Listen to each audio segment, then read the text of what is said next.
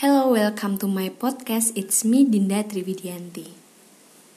Today, I want read paragraphs on page 112 on pronunciation book.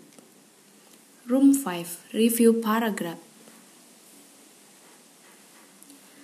The attack began at noon and reached a climax at about 3 o'clock. Shortly after this, our infantry led by Captain Andrews, advanced slowly.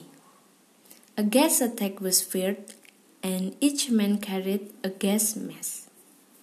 Exactly at four o'clock, however, according to plan, the bombardment stopped and our main troops attacked. The troops fanned out and in this manner rapidly approached the enemy lines. The enemy, lacking any assistance, attempted to withdraw, but advance units of our troops were already attacking about their flanks.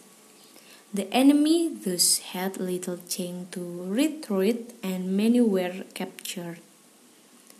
The entire action was accomplished exactly according to plan and Captain Andrews, who had actually planned the attack, was praised by the High Command for his admirable work. Okay, thank you.